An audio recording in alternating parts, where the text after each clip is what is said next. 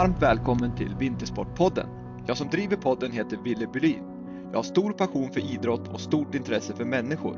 Att få möjligheten att samtala med de gäster som Vintersportpodden har är mycket utvecklande och inspirerande för mig. Mina år som aktiv alpinåkare på elitnivå har format mig en hel del. Jag får därför stor energi när jag får ta del av poddens gäster och deras liv och karriärer. Många gånger känner jag igen mig i deras historia. Jag hoppas och tror att ni som lyssnar kommer få en härlig, inspirerande och givande stund när ni lyssnar på detta avsnitt. Detta avsnitt är i samarbete med Brooks, eller The Running Company, som grundades 1914 och är helt fokuserade på löpning. Med sin slogan Run Happy har Brooks som mål att inspirera alla att springa sin egen väg till ett bättre liv. Och Bilmetro, din bästa bilaffär. Bilmetro är din kompletta bilfirma i Mellansverige som alltid sätter kundens behov i centrum. Oavsett om det gäller begagnat, nybilsköp, service och reparationsarbeten eller kompletterande tillbehör till bilen så finns allt på samma plats. Välkommen in till Bilmetro!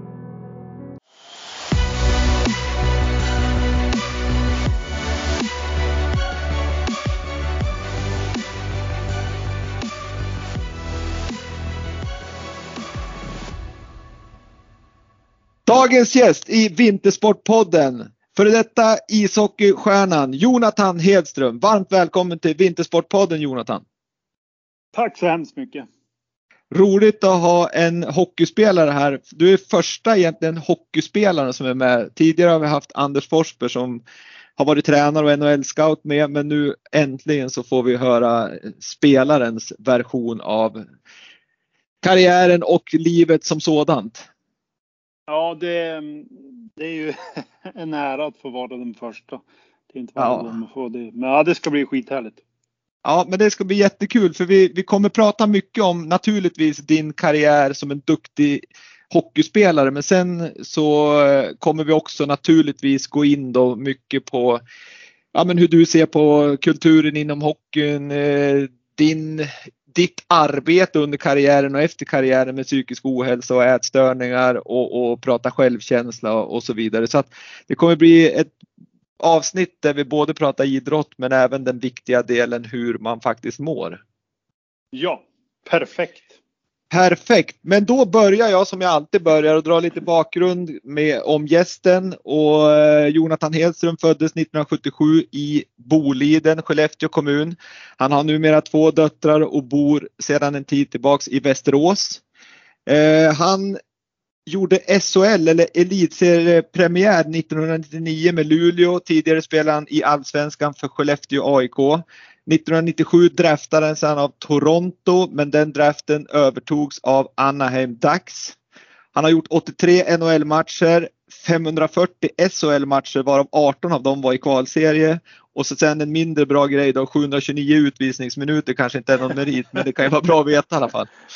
31 KHL-matcher, 50 AHL-matcher. Han slutade med hockeyn 2013 egentligen men sen så spelade du lite i diverse lag både på allsvensk nivå och division 2 och 3 nivå tror jag till 2015. Du har deltagit i tre VM, tog ett VM-silver, 77 landskamper totalt blev det.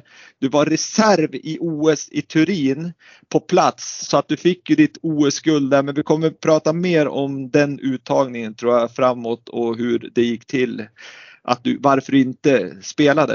Eh, 2014 släppte du en väldigt, väldigt viktig och bra bok som eh, heter Jonte rakt från hjärtat där du beskriver ditt liv och ditt mående under karriären och efter karriären. Eh, sen eh, så är det som så att numera föreläser om psykisk ohälsa och ätstörningar och ja men egentligen allt som har med det att göra i, i, i, ditt liv och hur du ser på det och kanske hur föreningar och förbund ska jobba med det framåt. Och det gav dig ett specialpris på Eldsjälen-galan eh, 2020 eh, just för insatsen eh, mot hockeyn och, och, och det ämne vi ska prata om. Det är en lång lista Jonathan, hur känns det där? Ja men det känns väl bra, bra såklart. Sen hade man väl önskat att man som du säger, hade kanske vunnit något guld. På, eh, sådär. Sen fler NHL-matcher också självklart. Men eh, ja, så är det när inte hälsan är riktigt med.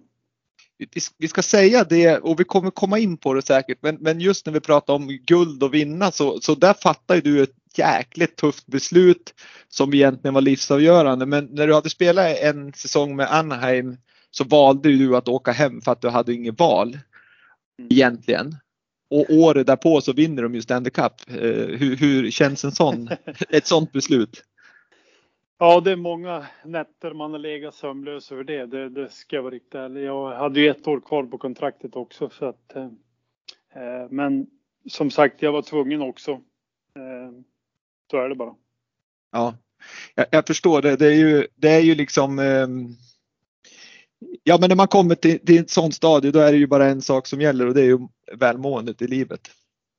Ja, så är det faktiskt. Och det är, det är väl det som är svårt också när man är mitt uppe i en karriär och framförallt en dröm. Eh, så var det ju ett jättesvårt beslut att, att, att ta. Men jag tror så här, hade jag varit kvar så hade jag, jag ska inte säga, jag har sagt någon gång så att jag, jag vet inte om jag hade levt idag. Eh, så dåligt mådde jag faktiskt. Ja, äh, och vi kommer in på, på just den biten senare. Eh, för att det är ju egentligen, ja det är en jätteviktig del av det här avsnittet att, att förmedla ja, men dels hur du mådde men framförallt kanske hur, hur vi ska försöka komma till rätta med det och undvika det för, för framtida hockeyspelare och idrottare överlag. Då. Eh, mm, men jag tycker vi gör så här Jonte att vi börjar med din uppväxt och om du kan berätta vem, vem är Jonte och vart börjar och vart är du nu liksom?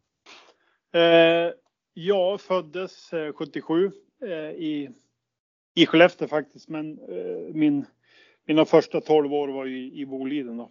Eh, min mamma och pappa skildes när jag var fyra och brorsan var sju. det var alkohol. min pappa var alkoholist så att jag varit både upp och ner i uppväxten på så vis. Ehm, sen så när jag var 12-13 så flyttade jag till Skellefteå. Eh, eller jag och mamma och min bror. Och sedermera då började spela i Skellefteå. Hockey som det hette då. Ehm, ja, men, men uppväxten som jag sa, det är ju det är väl kanske inte allt man förstod just då, men det är ju mer på senare år man har förstått egentligen hur det har präglat ens ja, självkänsla och allt sånt där. Mm. Jag, jag, förstår det. Den, eh, vad jag har förstått nu så, så har pappa din i alla fall kommit till rätta med alkoholproblemen.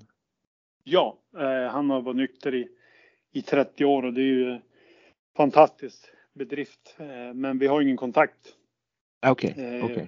På grund av att eh, jag kände det att det, just det här med det ge och ta.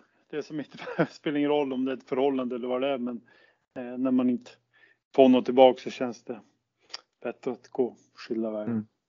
Men hur, hur var det då i en uppväxt i, i, jag tänker Boliden då i 12 år och sen flyttade ni till Skellefteå som, som 12-åring. Um, och, och, och, om jag bara får säga det, nu hade du en brorsa där, men, men och, och, leva med sin mor bara, hade du någon annan vad ska jag säga, manlig förebild eh, som, som hjälpte till hemma ändå? För det är ju tufft att vara ensamstående och hålla på och skjutsa till träningar och så vidare. Eh, ja, men morfar har ju alltid varit eh, fantastisk på så vis. Eh, det är ju tur det nära, så han har man ju alltid haft som, ja, som en största idol på så vis. Eh, mm. Sen hade ju mamma ja, men något så här förhållande men aldrig något som egentligen blev någonting. Så att vi har ju egentligen bott själv i, många, många år tills ja men typ jag var 18 då träffade hon Lars som hon är gift med än idag. Då. Så att, eh, mm. ja hon, hon har fått kriga och gjort ett fantastiskt jobb. Det kan man lugnt säga.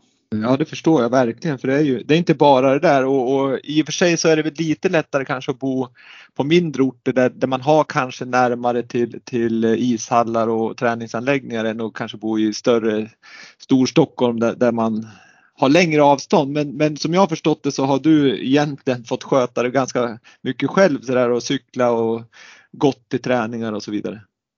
Ja, och det är jag väldigt tacksam för för att eh, redan då, eh, som jag försökt prata om, så var det galna föräldrar också som ja, men var där jämt och du vet, skulle vara med och, och styra och ställa. Och Eh, jag, jag, tror inte på det i, i, längden utan jag fick sköta mig själv. Eh, jag, jag, det fanns mat på bordet när jag kom hem men det var ingen stress och jag älskar ju hockey och det var ju många extra timmar både före och efter träningen. Mm. Ja, för jag tänkte just komma till just där du, där du hamnade sen då med dålig självkänsla och, och psykiskt eh, psykisk ohälsa. Jag tänkte just om, har, har du haft någon press som liten? För jag tänker om man curlar en unge för mycket då kan det också bli som så att ungen känner press och stress att de måste liksom prestera och leverera men så, så hade inte du det?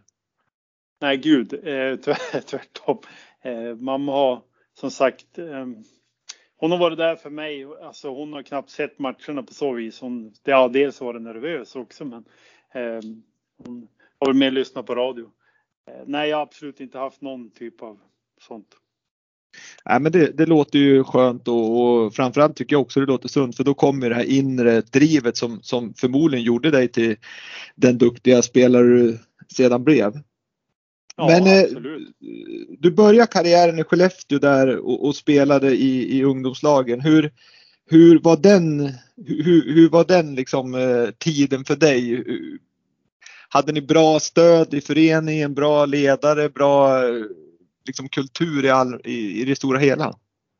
Ja, det var jättebra. Eh, jag började som sagt i A-pojkar i Skellefteå och då var det ju, då var det ju mer så här att, ja men, det var ingen hås eller någonting på så vis utan det var okej okay att missa en träning för fotboll eller vad det nu var. Eh, jättebra ledare. Jag kan inte klaga på någonting. Sen när man då kom upp i B-junioren och mer hockeygymnasiet så blev det ju mer kanske tävling på så vis. Mm. Eh, men jättebra ledare hela ungdomsåren så att jag har bara haft, haft det tur på så vis. Och om vi, om vi är inne på, på ledarskapsbiten där, hur, hur, hur ser du liksom, om du utgår från, från dig själv och, och, och kanske då från hockeyn eller idrotten, vad, vad, vad tycker du liksom, vad, vad, är en bra ledare för dig? Eh, en bra ledare är ju framförallt någon som ser människan. Eh, och jag tror att det är svinviktigt att inte bara för men när du är 13, 12, 13, 14, 15 är det i stort sett omöjligt att se vem som ska bli bra. Eh, Håkan Andersson som var scout för Detroit mm. har varit i alla, alla år som har tagit fram hyfsade lirare.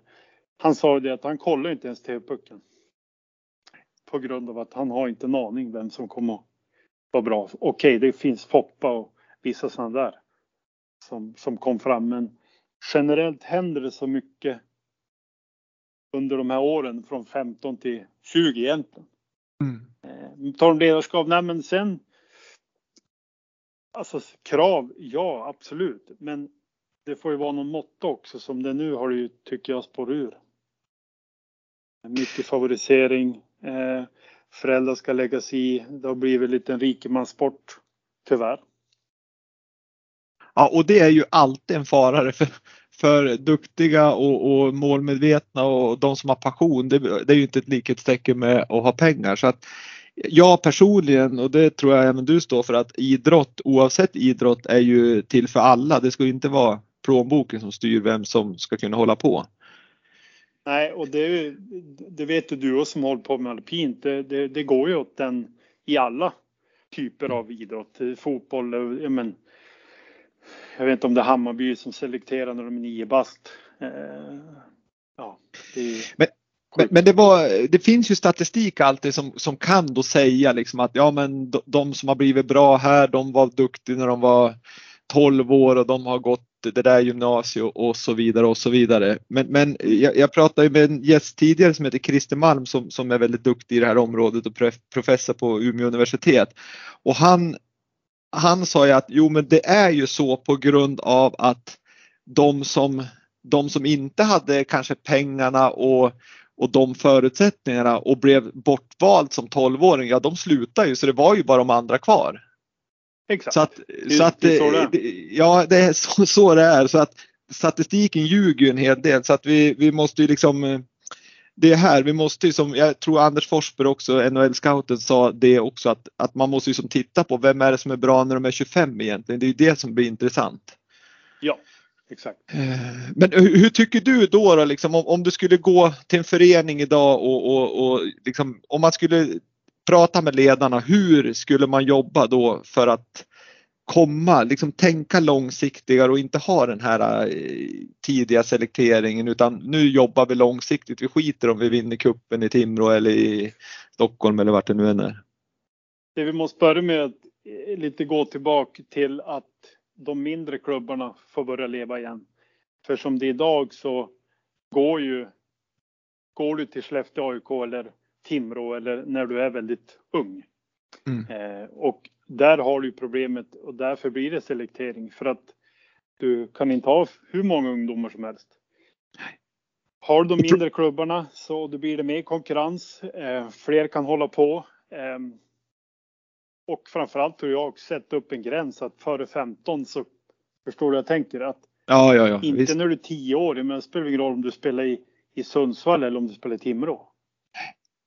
Nej, för du får ju en annan effekt också. Om alla går till Timrå eller alla går till Brynäs eller alla går till Skellefteå. Ja. Då, då, får du ju inte heller någon, någon motstånd. Jag menar, då får ju Skellefteå eller Timrå eller Brynäs eller vad det är spela internmatcher hela tiden. För att det finns ja. inga lag runt om eller så måste man göra långa resor vilket också driver upp peng, ja, pengarna då, att man ska behöva resa 30 mil för att göra en match. Mm. Eh, så att precis som du säger, jag håller med att, att få liksom alla småföreningar runt, runt om att, att växa för då, då får du ju liksom en mycket bättre serie också och roligare för ungarna att möta olika lag. Ja, men som när jag var i Bolin, alltså före jag flyttade så mötte vi Skellefteå eller Klemensnäs. Jag menar, Skellefteå var inte ens närheten bäst. Eh, och jag menar, då kom det ju kanske in, ja men någon flyttade eller att det kom in två spelare per år. Men nu, nu blir det ju 15. Eh, och när du då ska göra en selektering, ja men jag, jag känner ju, de i min ålder har ju barn, ja du vet i den åldern när det blir en selektering när de är 14 i Skellefteå. De, de går in, samlas eh, och de som nu inte kommer med i U15 de blir utskickade till en parkering där föräldrarna står. Eh, tyck, eh, det är det jag vill och, och försöker säga kan någon ledare förklara för mig om det är sunt? Jag skulle vilja ja. veta den förklaringen för mig. Alltså här, mm. Snacka ja, och, om att klippa benen. Ja, verkligen. Verkligen. Och, och då är det ju många tyvärr som slutar och det ser vi ju, det finns det ju statistik på att, att det är ju jättetidigt som antalet utövare oavsett idrott går ner väldigt tidigt i åldrarna och det är tragiskt för då, då får du ju samhällseffekter också med sämre hälsa. Att folk mm. rör sig mindre och så vidare. Så att det är många liksom perspektiv på på tidig selektering. Det är ju inte bara liksom att, att man tappar talanger utan det är ju även en samhälls, alltså en, en hälsoeffekt av det. Ja, verkligen. verkligen. Men, men det är intressant och jag tycker det är otroligt härligt att, att du som ändå har lyckats otroligt bra inom idrotten, att du har de här tankarna för det, det tror jag är väldigt viktigt att ni som har lyckats också kan förmedla, förmedla sådana här kloka tankar. Det, det gillar jag verkligen. Eh, men om man pratar ledarskap inom hockeyn då, så, så mm. kan ju jag då liksom, som är intresserad av hockey men jag är inte liksom, har inte spelat NHL och SHL sådär. Men, men det är ju ganska hård jargong tycker jag liksom i, ja, men i bås och även ganska neråt i åldrarna också. Att det är hård, liksom, det är hårt stuk och ganska hårt snack liksom. Och, ja, men det är machokultur redan, alltså även från ledarna ner mot spelarna. Hur, hur, hur upplever du det?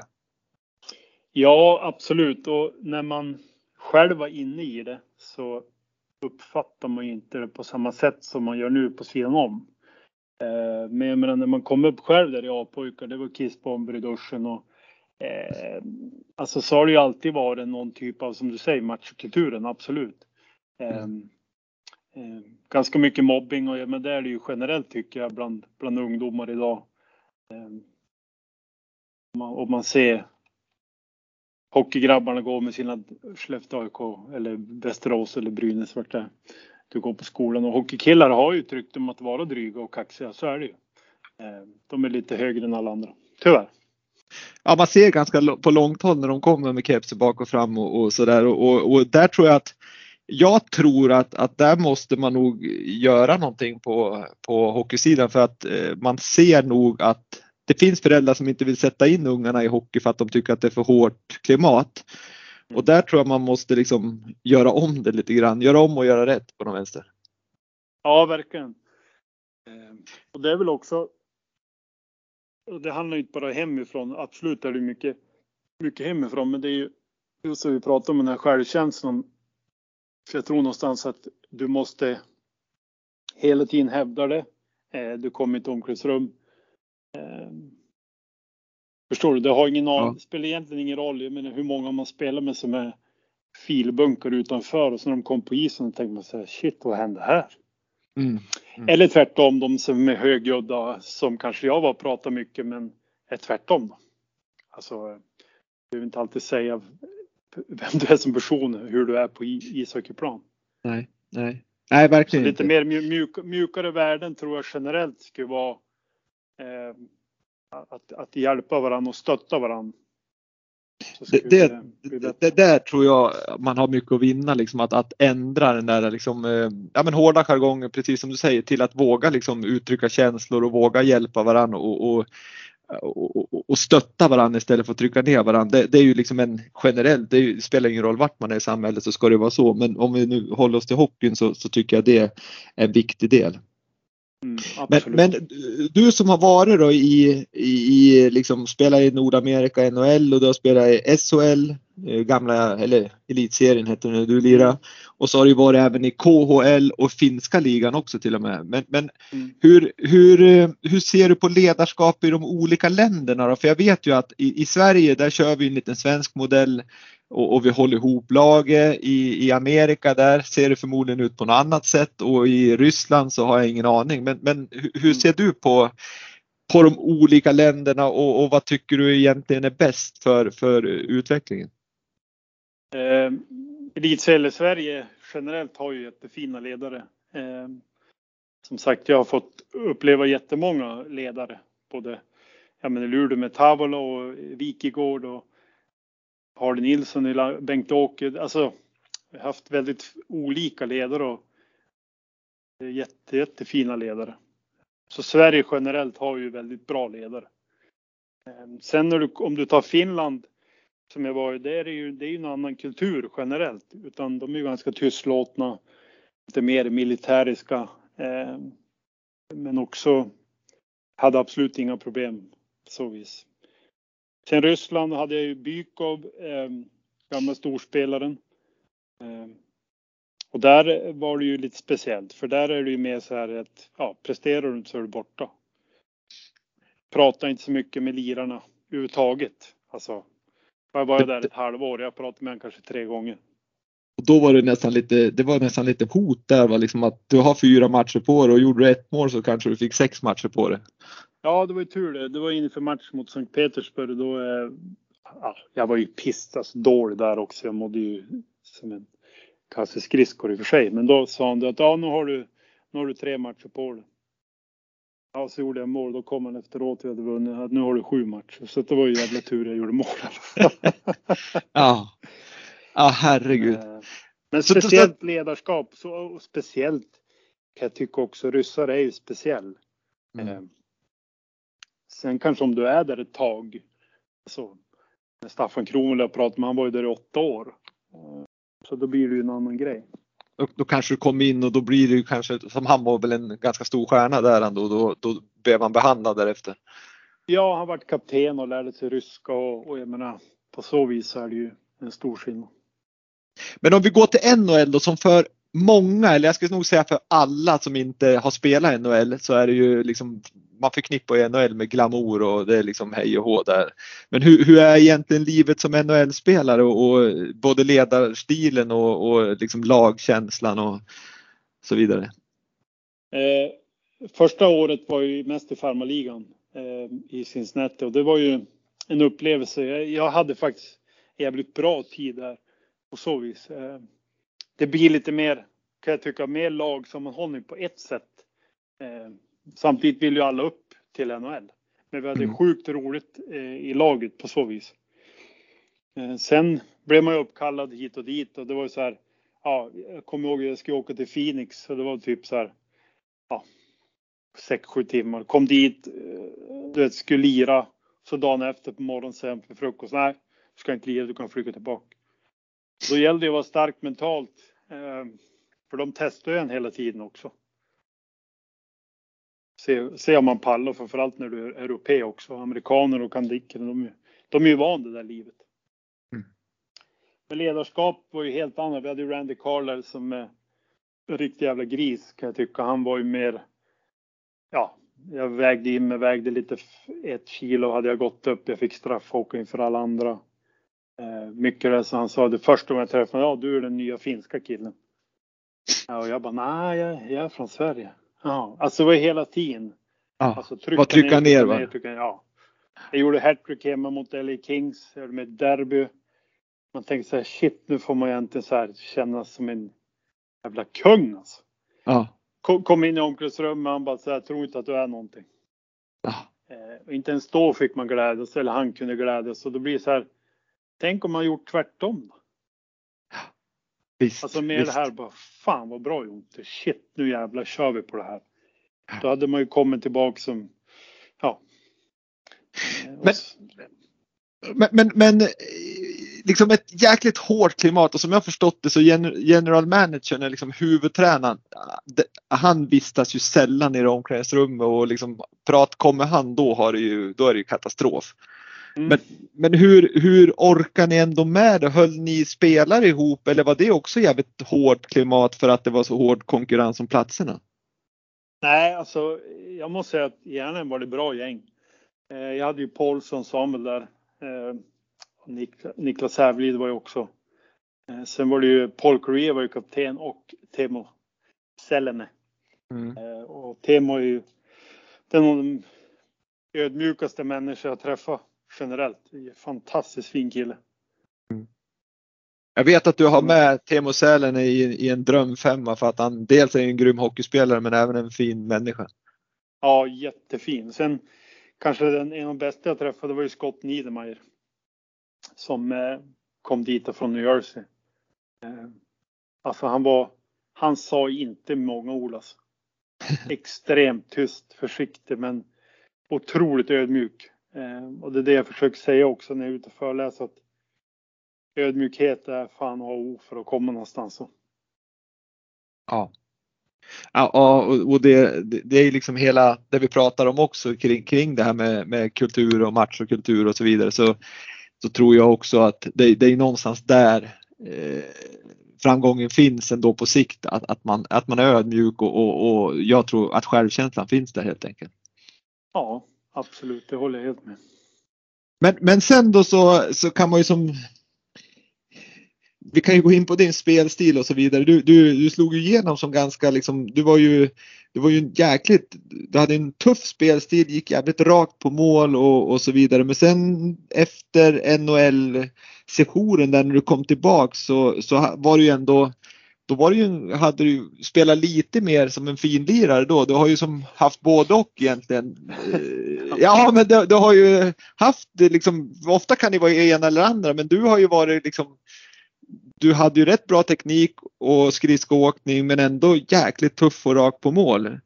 Um, om, om man vi ska komma in på, vi ska komma in på din liksom psykiska ohälsa och ätstörningar kopplat till det här kanske. Mm. Eh, men innan vi gör det så ska jag bara ta liksom det här med VM att du har tre VM, du tog ett silver vilket är fantastiskt bra. Men sen då när vi kommer in på dig och, och dina problem så, så kan vi väl egentligen börja det med, du, du, får berätta vart det börjar någon gång för jag vet att det börjar rätt så tidigt. Men det hände ju någonting inför OS i Turin 2006 där när, när Bengt-Åke Gustafsson kom och besökte dig. Va, vad var det som hände då? Eh, då var det så att han reste runt och pratade med de som ja, aktuella eller de som skulle vara med. Eh, och jag och Paulsson Samuel spelar ju, jag snittar ändå fan nästan 18 minuter per match. Eh, och jag och Samuel har tänkt oss som att, ja men som vi gjorde i NHL, att möta de bästa kedjorna. Eh, och sen när Bengt-Åke kom dit, för året före hade jag ju haft min bästa säsong i karriären. Eh, mådde ju fantastiskt bra under proffsåret där. Mm. Och sen när han kom dit, det var typ i, kan det vara slutet på november? För det gick väl i januari tror jag någonting, februari OS kanske. Ja, när det var. Och då eh, ska skulle vi samlas och käka då på en italiensk restaurang. Och han kommer dit och han kliver in genom dörren och ser mig, Bengt-Åke. Han var som så här. Du vet, du, du ser på en människa så här. Oj, vad i helvete har hänt här? Alltså. Och då var jag ju så pass sjuk så du vet hur man är då när man inte kan acceptera eller man har väl inte den acceptansen. Eh, och då sa han, hur är det Jonte? Om det är bra. Då sa Bengt-Åke, nej Jonte det är inte bra. Vad är det som har hänt? Och det var väl egentligen första gången någon fejsade mig på så vis och frågade hur jag mådde. Ehm, så att då vart det ju en, en, ett antiklimax. Så jag menar, vi satt där och åt och jag satt ju och petade i maten. Åt ju inga kolhydrater överhuvudtaget. Eh, jag hade väl gått ner 16 kilo på, på typ två och en halv månad. Så jag var ju som ett jävla lik alltså. Ja, det är helt galet. Ja, det är galet. Och ändå, ändå lirar man. Så det är ju så kroppen tål ju. Men den tog stryk. Eh, så är det ju. Det, det kan man ju lugnt säga. Men, men, men om, om vi om vi ska liksom hålla oss just där, vi ska backa lite snart, men vi, om vi håller oss där och så går du ner 16 kilo på två och en halv månad. Vi, vi ska inte prata pengar men alla som lyssnar på det här förstår ju att en NHL-spelare tjänar bra med pengar. Det var Timo Sälenä i Anaheim hade ju förmodligen jättehög lön och du mådde ju, eller hade också bra lön sådär. Men, mm. men det inte jag förstår, alltså då borde det ju finnas enorma resurser i en sån klubb för jag menar det är ju doktorer och det är eh, utbildade ledare och allt vad det nu är runt ett sånt där lag. Såg inte de liksom att du rasar 16 kilo som hockeyspelare? Det, det, det måste ju ha fått konsekvenser i hur du spelade. Ja, verkligen. Och jag, menar, jag hade ju den spelstilen när jag var borta, men sen eh, vart jag bänkad och jag spelade ändå 78 matcher det året, någonstans där, av 82 eller 70 vad det var. Eh, så att det var ju någon match jag var bänkad där och du vet, ja du måste vara bättre. Eh, men just som du säger, det, det kan jag bli förbannad överhuvudtaget inom hockeyn. Att man är, ja dels tror jag det är okunskap. Man vet inte riktigt hur ska man hantera det. Eh, det är lättare om någon har alkoholproblem, då, då finns det ju så här, ja men du ska på rehab. Mm. Just ätstörningar och killar är ju och vi backar ju tillbaka till 06 och det är ju för fan, känns som det är 100 år sedan. Mm. Men eh, i början när jag gick ner så fick jag ju det bara shit, du är bra shape. Och jag, jag har väl aldrig varit i dålig shape i hela mitt liv. På så vis att, att jag kom dit och vägde 88 kilo och hade fantastiska fystester. Eh, sen tappade jag det här och de bara, förstår du vad jag menar? Ja, det var okej. Okay. Och jag med gått upp, du vet, vätska och det är inte så här att jag hade lagt på mig 10 kilo. Det kan jag också bli jävligt förbannad och det var ju bara för att sätta dit mig. Mm. Tyvärr. Ja men vilken, alltså jag, jag, det är otroligt för man behöver ju, det är ju rent sunt förnuft att, att, att man ser en idrottare som, som, som hamnar i det här så måste man ju som ta i det. Men jag tror att mycket ligger nog i, och, och det kopplat också till det vi pratade om tidigare kring kulturen, att, att, att man pratar liksom inte känslor och, och är det någon som krökar, ja då är det ju lättare såklart. Men, men det här är ju liksom inte, det här är ju inte ett killproblem. Att Nej. man inte äter. Men det är det som är lite roligt också kan jag tycka. För första året när jag var där borta, då var ju Babcock, Mike Babcock i Anaheim. Mm. Och det är en riktig jävla douchebag. Alltså, han är ju totalt dum i huvudet. Um, och han höll ju på så här också hela tiden. Men ja, du ser, han fick ju sitt straff till slut. Um, de här old school coacherna är inte kvar ja. längre. Nej, på precis. grund av hur de har betett sig. Men varför blev det så? Jo, därför att typ Robin Lehner, att någon vågar börja snacka. Ja, exakt. Det är ju, så, det, är det det handlar om. Alltså ja. hur många där borta har tagit livet av sig? Hur många alkoholproblem, sexproblem, kokainproblem? Men det pratas inte om ett jävla skit utan det mörkläggs. Det är som skyddad verkstad så att det är löjligt. Och det var ju det här du egentligen fick priset för, eh, alltså på Eldsjälsgalan. Att, att du lyfter mm. ett problem. Liksom.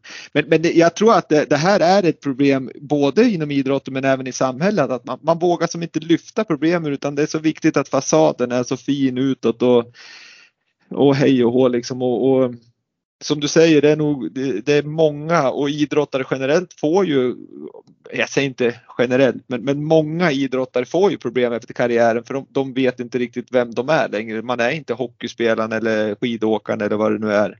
Och det kan ju leda till psykisk ohälsa såklart för att man, man känner att man inte är någon. Nej, men det ser vi ju nu också. Ja, men det du kan ju gå tillbaka 30 år. Det spelar ingen roll. Alltså, jag menar, hur många har inte haft problem med alkohol? Under sin mm. karriär eller vad det nu kan vara. Spelberoende är ju extremt utbrett generellt i världen. Eh, och framförallt inom hockeyn så är det ju så många som har problem med spel. Alltså galet många. Ja, om, vi, om vi ska börja där, alltså du mådde ju jättedåligt där under, under en tid när du, i karriären. Hur, hur lyckades du hålla dig från alkohol och spel och sånt där skit eh, ändå? Ja, eh, det som jag fick då var ju med att ätproblemen och när man då ätstörningar så man blir ju tjock av alkohol. Ja, just det. Nej, eller tjock, men det var ju därför att jag hade kunde hålla mig på den nivån. Eh, mm. Sen spelar jag aldrig haft någon, alltså, Nej, för, något intresse. Och, och varför får hockeyspelare eller lagspelare problem med, med, med, med, spel? Är det för att man, man har mycket tid, mycket pengar och, och, det blir liksom det blir ett sätt att få lite nerv i, i vardagen? Ja, jag tror det. det är väl en, ja, jag tror det kicken. Eh, självklart. Sen är det ju generellt att, att man, man lirar lite, ja, mycket trav i alla fall och det, det tycker jag inte är fel. Det är svinroligt, tycker jag gör också. Eh, men sen är det ju som som allt annat när det övergår i ett problem så, så är det inget bra och det är ju det som är svårt att upptäcka när det handlar om pengar. Utan det, det, det märker ju ingen på så vis. Um, på samma sätt. Men du, nu, nu, vi kom in liksom rakt in på OS i Turin och, och när Bengt-Åke Gustafsson kom över. Men om vi nu backar bandet till vart började egentligen dina problem kring ja, med mätstörningar och, och där du börjar känna ändå att fan jag mår inte bra? Var det när du var 30 var, ja. eller var du? Jag var 17. Eh, 17 bast var jag och spelade i Skellefteå. Eh, och då sa en lagledare till mig, fan vad tjock du blivit ont. Eh, så det var så det började.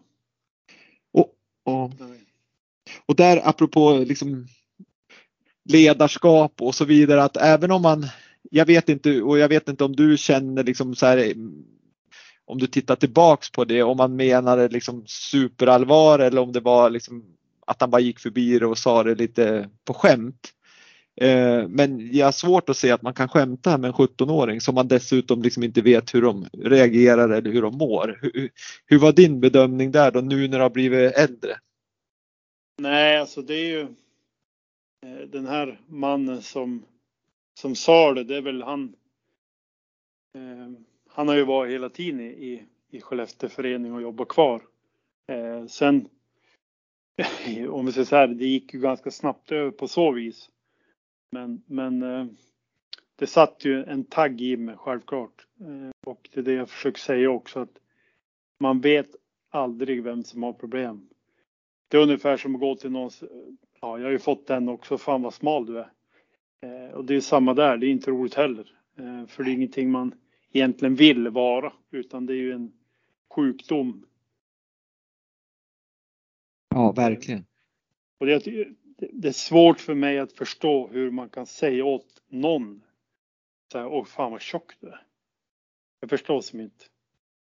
Nej men alltså det är, det är ju hela det där och det är ju, sitter ju också säkert i deras liksom självkänsla att man, att man ska kommentera andra liksom. Va, va, vad spelar det egentligen för roll om någon är tjock eller smal eller eh, stor och stark eller smal och, och snabb? Alltså det, det, man behöver ju kanske inte ens prata om, om den saken.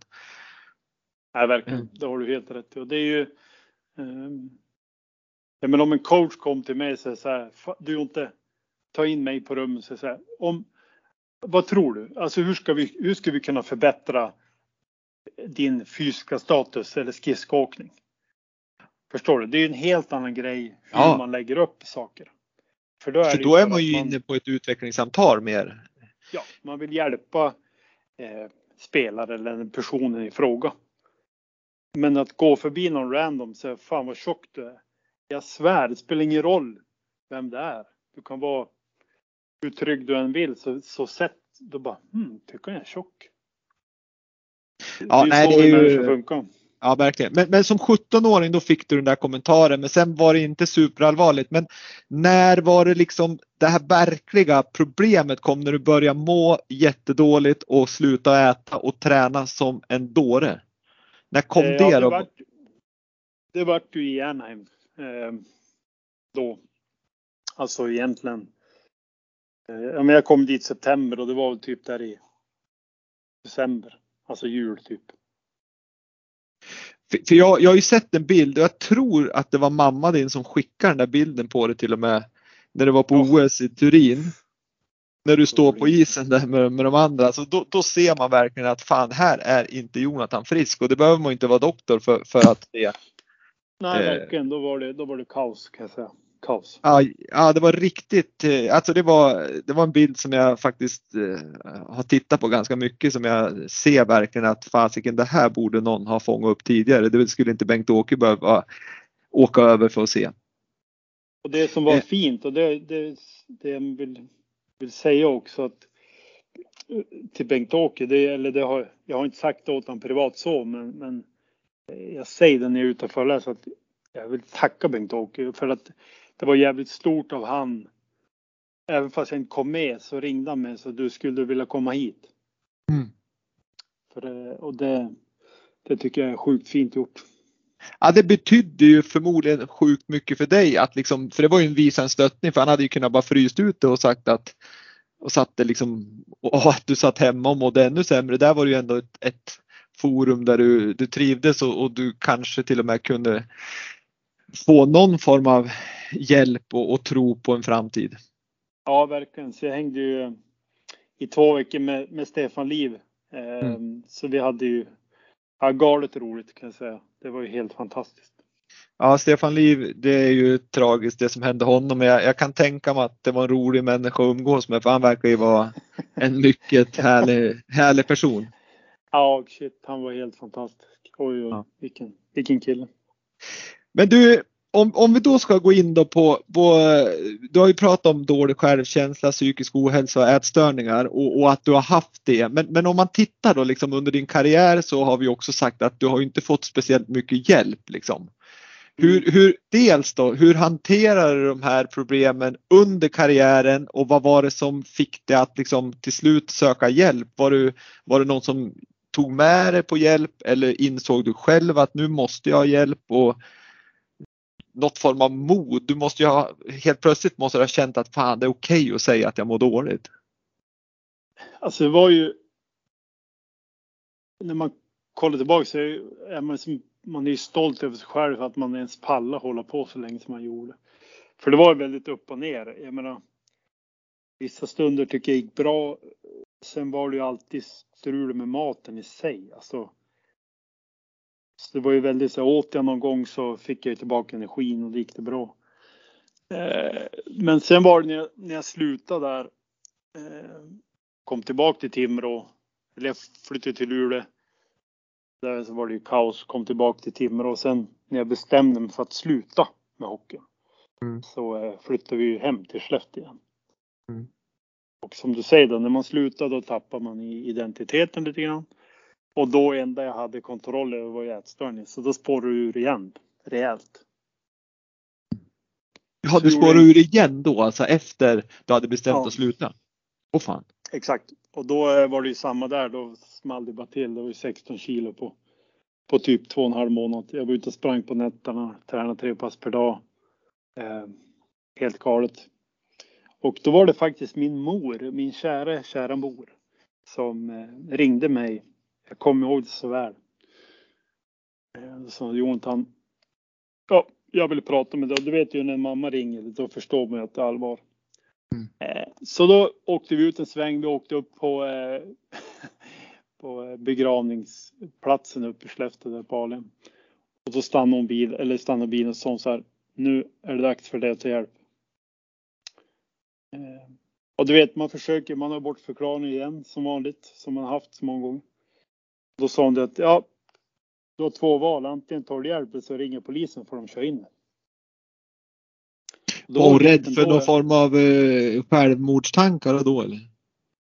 Nej, kanske inte så, men ja, dels var hon less på, på hela den här biten eh, generellt att, ja, men sen om man, har man fru och två barn också som, och man blir ju extrem egoist. Eh, sjukdom. Och då minns jag att jag ringde till psyket. Och på den vägen är det.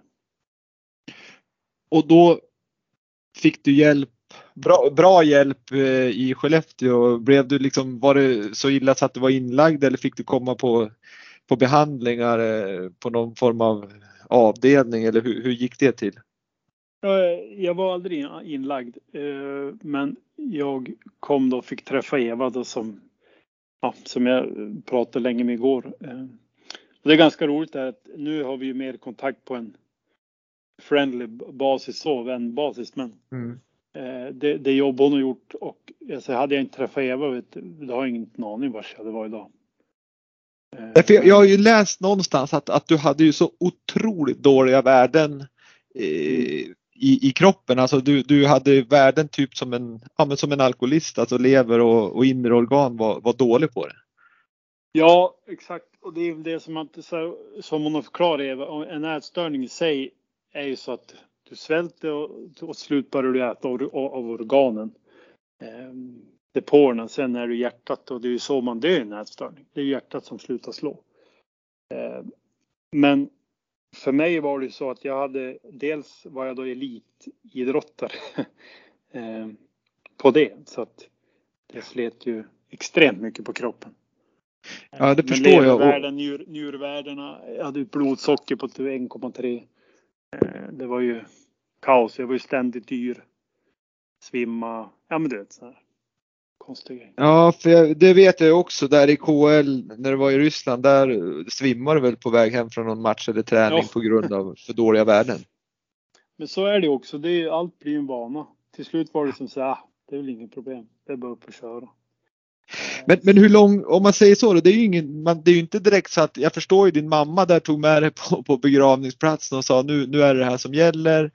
Antingen så söker du hjälp eller så ringer polisen som får ta in det och du söker hjälp men det är ju lik förbaskat ingenting som sker över natt att du bara blir frisk utan jag misstänker att det var ganska lång tid som du fick jobba. Var det någon form av KBT-behandling eller var det liksom kontinuerliga ja. samtal? Jag var där eh, två dagar i veckan första månaden kanske. Sen var det väl en dag i veckan. Sen ja, har det fortsatt så egentligen i flera år. Och då har du, du känner att naturligtvis kan du gå upp och ner. Ibland kanske du mår sämre och, och, liksom hamnar ja, hamna tillbaks lite grann men, men har ändå liksom lyckats hålla det på en nivå som om man säger gå upp eller förbättras hela tiden eller liksom har du fortsatt och, och från början misstänker jag att du kanske ljög lite ändå eller hur, hur, hur var det? Ja, eh, i början så Eva kallar ju mig eh, den röda Ferrarin och det är väl lite så man är lite all in på allt man gör. Eh, så det vart ju så här att från vi träffas så vart det att jag fick bara träna tre dagar i veckan. Och sen ska jag äta. Alltså förstår du?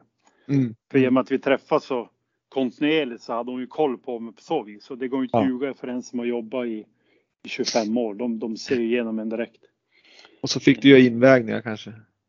Ja, exakt. Inte så mycket invägningar i, i generellt utan hon kollar ju på framförallt händerna.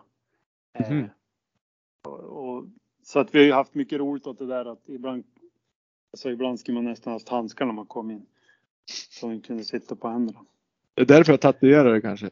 Exakt, nu kör jag tatuering jävla skit. Nej men i alla fall så, så gick jag upp 10 kilo på, ja vad kan det ha blivit då? Ja men någon månad så där. Så det var ju fantastiskt. Hon sa det att det är ju, hon har aldrig varit med om en som som har vänt så snabbt och så har det väl alltid varit för mig. Det är antingen eller. Men, men du kände även då liksom, det var ju naturligtvis säkert lite jobbigt för hjärnan din att, att du gick upp, men du kände ändå att du mådde bättre liksom rent energimässigt såklart? Ja, verkligen. Sen, sen att man kunde börja sova i alla fall tre, fyra timmar per natt. Mm. Eh, det mm. var ju helt fantastiskt. Eh, annars var det så mycket ångest. Det är så mycket ångestrelaterat eh, den här sjukdomen så att det är löjligt. Alltså. Ja, det, det... Du ska ändå äta. Man ska ju äta. Alltså det är ju så. Man, man, man behöver ju äta för annars dör man. Så är det. Det, det vet vi. Mm. Alkohol kan man sluta med. Eh, ja, de olika. Men mat måste vi ha för att överleva. Ja, men verkligen. Det är, det, det är därför det är så. Det är därför anorexi eller vad man nu ska kalla det, ätstörningar är den dödligaste sjukdomen av psykisk ohälsa. Du hade ju någon form av, kan man kanske säga ortorexi för du tränar ju som en blådåre också va? Ja, exakt.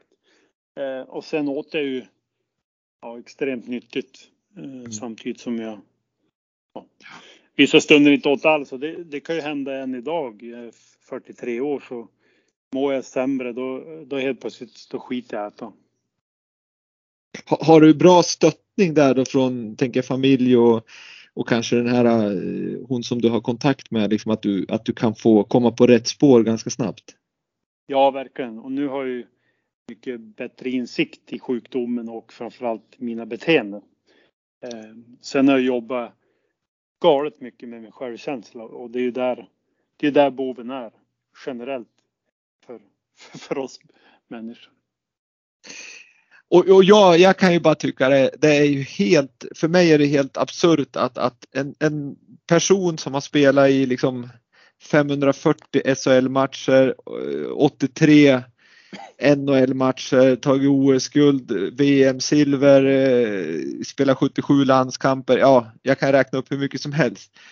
Får, alltså, man får inte hjälp under karriären trots att liksom, det är så otroligt. Det är en sak om man går ner två kilo men som jag sa bilden jag såg på dig i OS Turin det är ju helt galet och det var ju tur att Bengt-Åke i alla fall fast uh, såg det här. Men, men att du måste vänta till efter karriären och på egen hand med hjälp av din mamma liksom få hjälp. Det är för mig obegripligt och där tror jag vi har mycket att göra i idrotten att, att vi måste fånga upp sådana här saker och våga prata om det. Ja, nu när du säger det så här, jag har inte tänkt på det så här som du säger det, men det är ju fan skandal. Eh, man har ju, man har ju faktiskt ett ansvar som arbetsgivare också. Eh, ja, jag menar det. Du har ju som, alltså, som arbetsgivare, har du alkoholproblem så har du ju ett ansvar. Och, och... Jo, exakt, och då, då, får du hjälp på ett annat sätt på grund av att där kan du skicka någon till sig, ja men bra, han har alkoholproblem eller spelberoende. Men just ätstörningar, det, det, folk vet inte hur man ska bemöta det framför allt, tror jag. Jag tror det är där själva problemet är. Ja, man, man, och därför våga, då stoppar man huvudet i sanden för att man inte vet hur man ska hantera det. Men jag tror att våga prata för det, det, är bättre det även om man känner att man inte har kunskapen i ämnet så är det ju i alla fall att prata kan man ju göra och så sen får man ju hjälpa personen till rätt kompetenser så att säga. Och sen är man ju så olika också individuellt. Jag menar vi är ju ett, ett lag på 25 pers. Eh, jag menar vi har ju spelat med dem som är som en gås, det spelar ingen roll. De Förstår du? Vi är alla olika och det, och det är det som är det som är ledarskap kan jag tycka eller som klubb att, att se all, alla människor. Man kan inte bara se stjärnan eller målvakten. Nej, men verkligen inte. Det finns ju någonting, i alla fall inom näringslivet, som man pratar om eh, situationsanpassat ledarskap och det, det grundar sig i att man ska eh, anpassa ledarskapet efter vilken nivå medarbetaren är på så att säga. Och det är likadant mm. inom idrotten. Men, men numera så vi, vi, vi håller på här, det är ett ämne som jag skulle kunna förmodligen köra fyra avsnitt med och det kanske får bli så Jonathan att vi får ta ett ja, till någon gång här. Men, men eh, numera så, du föreläser ju en hel del och, och jag skulle rekommendera alla egentligen, ja företag också, för, för, du har ju en story att berätta, men, men föreningar, förbund allt som har med barn och ungdomar och även på elitnivå, alltså på, på seniorer, att, att boka in Jonathan Hedström för, för en dragning så att man får igång snacket i föreningarna. Men dessvärre så har jag hört och förstått att det är lite svårt att komma in i föreningarna på grund av att de kanske inte de känner att det kan röra upp någonting och det är ju hemskt om det är så. Eh, det var eh, exakt 100% sanning. Eh, jag har varit i några klubbar. Många har jag pratat med, men de Vissa klubbar har sagt att de har inga problem alls i deras föreningar. Och det är också ganska roligt hur man kan säga det. Man har varit på elitnivå i 17 år och tror så här, Så jag är ju inte helt dum i huvudet och de jobbar efter sina, sina värderingar och då, då har jag frågat så här, men vilka är värderingarna? Men det är problemet att man, de kan inte säga vad de har för värderingar. Ja, och så har de säkert dem på ett papper i någon skrivbordslåda som man inte liksom jobbar efter. Så att, nej, jag, jag, jag ska säga att det här är ett otroligt viktigt ämne och jag, oavsett om det är hockey eller skidor eller golf eller fotboll så in, boka in Jonathan för, för en föreläsning för att jag tror att det spelar ju ingen roll.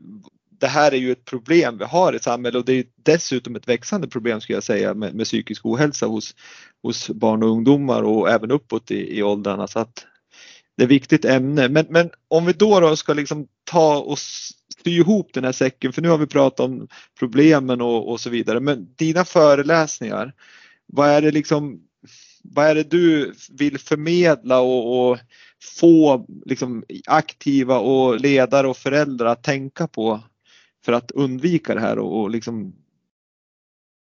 få alltså en jag sund, försöker, Ja, jag försöker prata om ja, men dels min uppväxt. Eh, sen, ja, som vi har pratat om det här med TV-puck eller generellt ledarskap, självkänsla. Eh, och självförtroende, för det är ju, många blandar ihop det, men det är ju extremt stor skillnad. Mm. Ehm, sen med sunda värderingar, att se människan. För jag tror att det är extremt viktigt att, att vi måste våga prata som du säger, men också våga lyssna. Ehm, för att det kan hjälpa extremt många att bara, bara finnas där eh, och, och, och lyssna.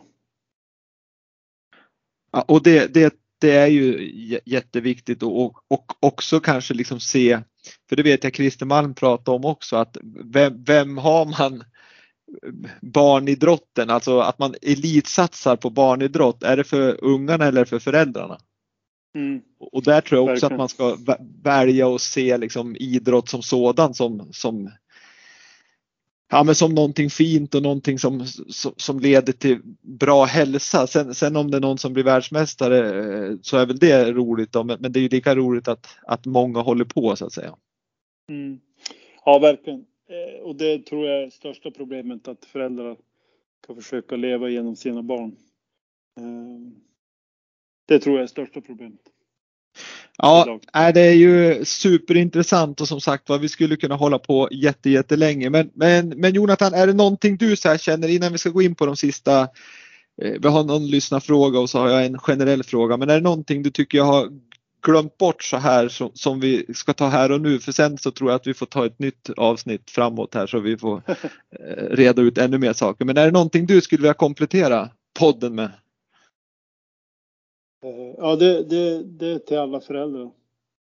Eh, att lyssna på era barn.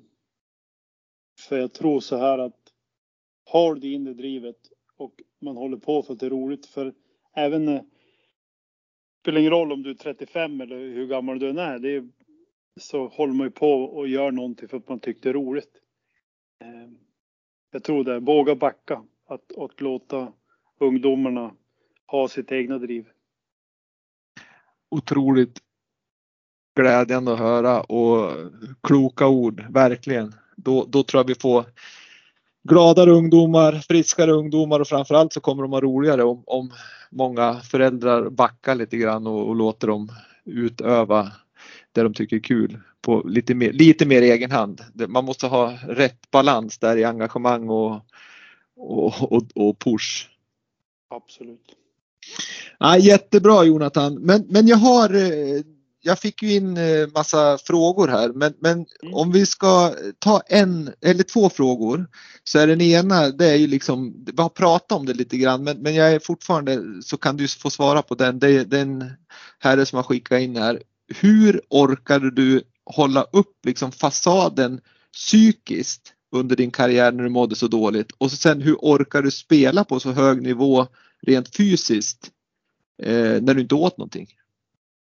Eh, ja, den första var ju Dels är det, har man väl vuxit upp lite så att man ska inte gnälla eh, på så vis. Utan jag tror också man hade inte haft någon vinning för jag vet hur motståndare är. Eh, så ger man någon lillfinger så tar de hela handen. Sen var väl kanske jag inte världens eh, bästa kille heller. Jag hade ju, jag kunde ju också surra om vi säger så.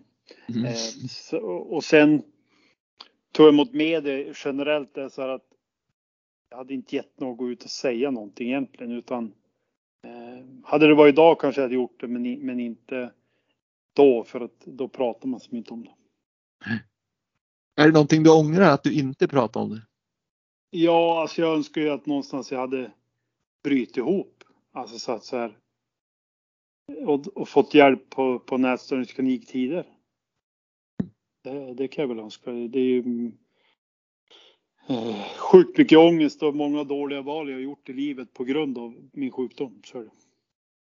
Men hur orkar du rent alltså fysiskt då, när du, när du gjorde dina 18-20 minuter och kanske ännu mer när du spelade Timrå och, och, och ändå hade de här problemen? Alltså att du inte eh. åt tillräckligt med näring? Eh, dels är det ju mycket också att man kärleken till sporten. Utan man lärde sig lite grann att spara energi till, till det jag skulle göra. Mm. Jag har alltid varit en livlig, lite rastlös själv men det blev ju så att man inte ja, vila, man sparar energin till, till när man hade matcher eller träning. Ja, det är man klart. kunde göra 100 procent när man, när man var där. Ja, det är väl som allting annat. Du lärde dig att hantera det på något jäkla vänster. Ja, och sen blir det också så att eh, man kunde väl ha någon gång så att man fick någon jävla il och man tryckte i sig grejer så, och så fick man ångest. Men det var det då som gjorde att man fick energi för kroppen så sög ju i sig allting när man åt på så vis. Ja, intressant, intressant. Men då har vi en till och den är ju lite, lite motsägelsefull. Men jag har av vänner till dig eller vän till dig fått höra att du gillar att laga mat. Stämmer det? Ja, det stämmer bra.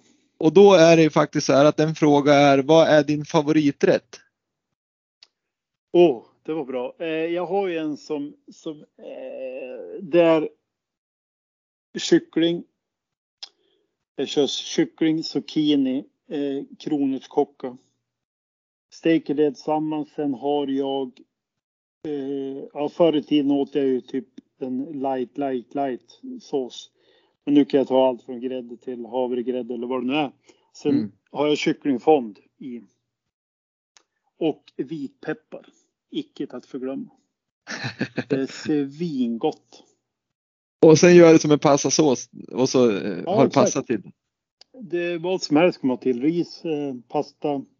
Ja, vad, vad som. Eh, det är ju sån här vardagsrätt som mina tjejer brukar säga det att pappa, nej inte idag igen nu, nu, för jag var ju, det, när du är störd blir man ju väldigt så här, men man visste att det funkar.